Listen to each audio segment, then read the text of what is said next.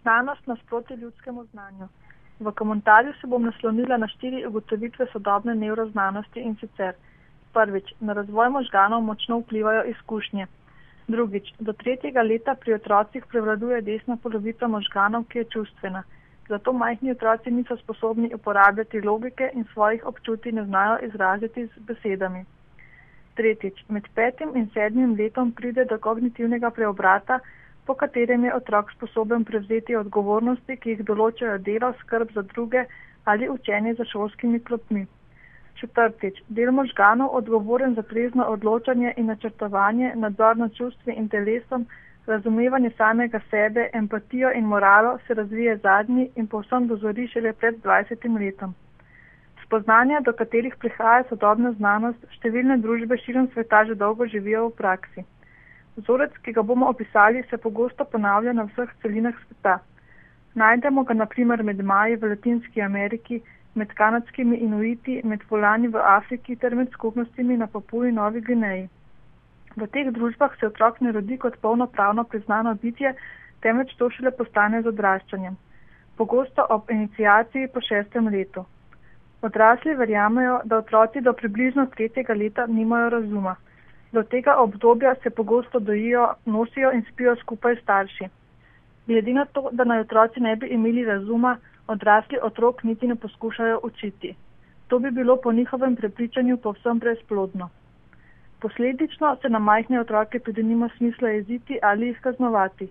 Z naše perspektive gre za izrazito permisivno vzgojo, ki pa se kmalo po tretjem letu konča. Nadomestijo upeljevanje v delovne obveznosti in odgovornosti.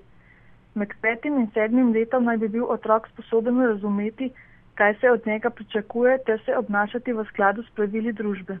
Šele ko to osvoji, postane bitje v pravem pomenu besede. Ljudje so se skozi generacije učili z opazovanjem ter zgledom. Znanje se je kontinuirano prenašalo iz roda v rod, vsak rod je znanje nekoliko tudi preoblikoval po svoje. Prav tega danes v naši družbi ne počnemo več. Še sam način življenja nam tega namreč ne omogoča. Zgledom se lahko učimo le v sobivanju, v tesnih odnosih s ljudmi. S tem, ko smo pretrgali to kontinuiteto in zaživeli izolirani individualizem, vsak rod na novo izumlja svoje znanje ter z njim eksperimentira. Danes potrebujemo izobraževalne tečaje, strokovnjake in priročnike, tako rekoč za vse. V praksi pa se obnašamo kot družba, ki je izgubila kompas. V nasprotju s prej omenjenim vzorcem v naši družbi otroka namreč pogosto takoj po rojstvu obravnavamo kot polnopravno bitje in se tako do njega tudi obnašamo. Če želimo, da bo otrok uspešen, se mora učenje začeti že v nosečnosti in nadaljevati takoj po rojstvu. Triletnega otroka obravnavamo kot sebi enakega, kot pomanjšanega odraslega, ki že ima izoblikovan okus, mnenje in voljo. Zagovarjamo, da se mora otrok čimprej osamosvojiti. To pomeni, da mora znati spati sam, se ne nositi po rokah ter biti sposoben pri dveh letih obiskovati plesni tečaj za otroke.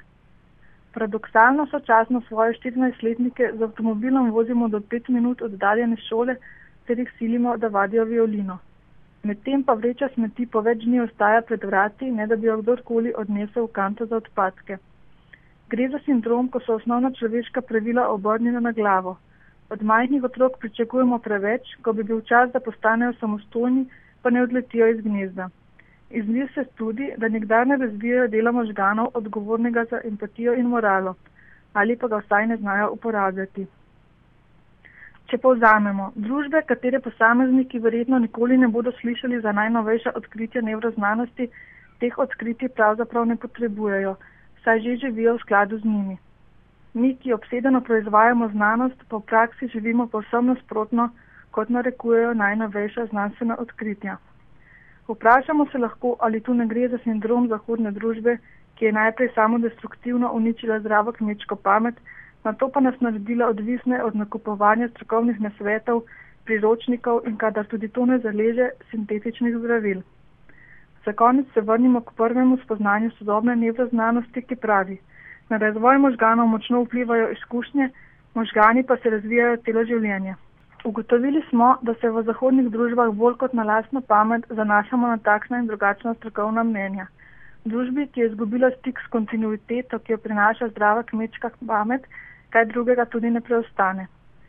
Posledično vsaka generacija eksperimentira s svojimi otroki v veri, da je to, kar počne, najboljše. Vendar pa zahodna znanost ne predstavlja superiorne resnice, znanstvena dognanja se nenehno spreminjajo. Eni znanstveni dogmi pogosto sledi povsem nasprotna dogma. Trenutno v praksi nad otroki izvajamo prav na glavo postavljena spoznanja nevroznanosti. Se potem takem sploh lahko čudimo, da sledimo velikemu porastu psihičnih motenj in razno raznih oblik nezmožnosti zdravih medčloveških odnosov. Na motnje ni imun nihče. Najdemo jih tudi med visoko izobraženimi ljudmi v akademskih krogih, med zdravniki, učitelji in starši. Komentar sem pripravila Barbara Turk-Niskač.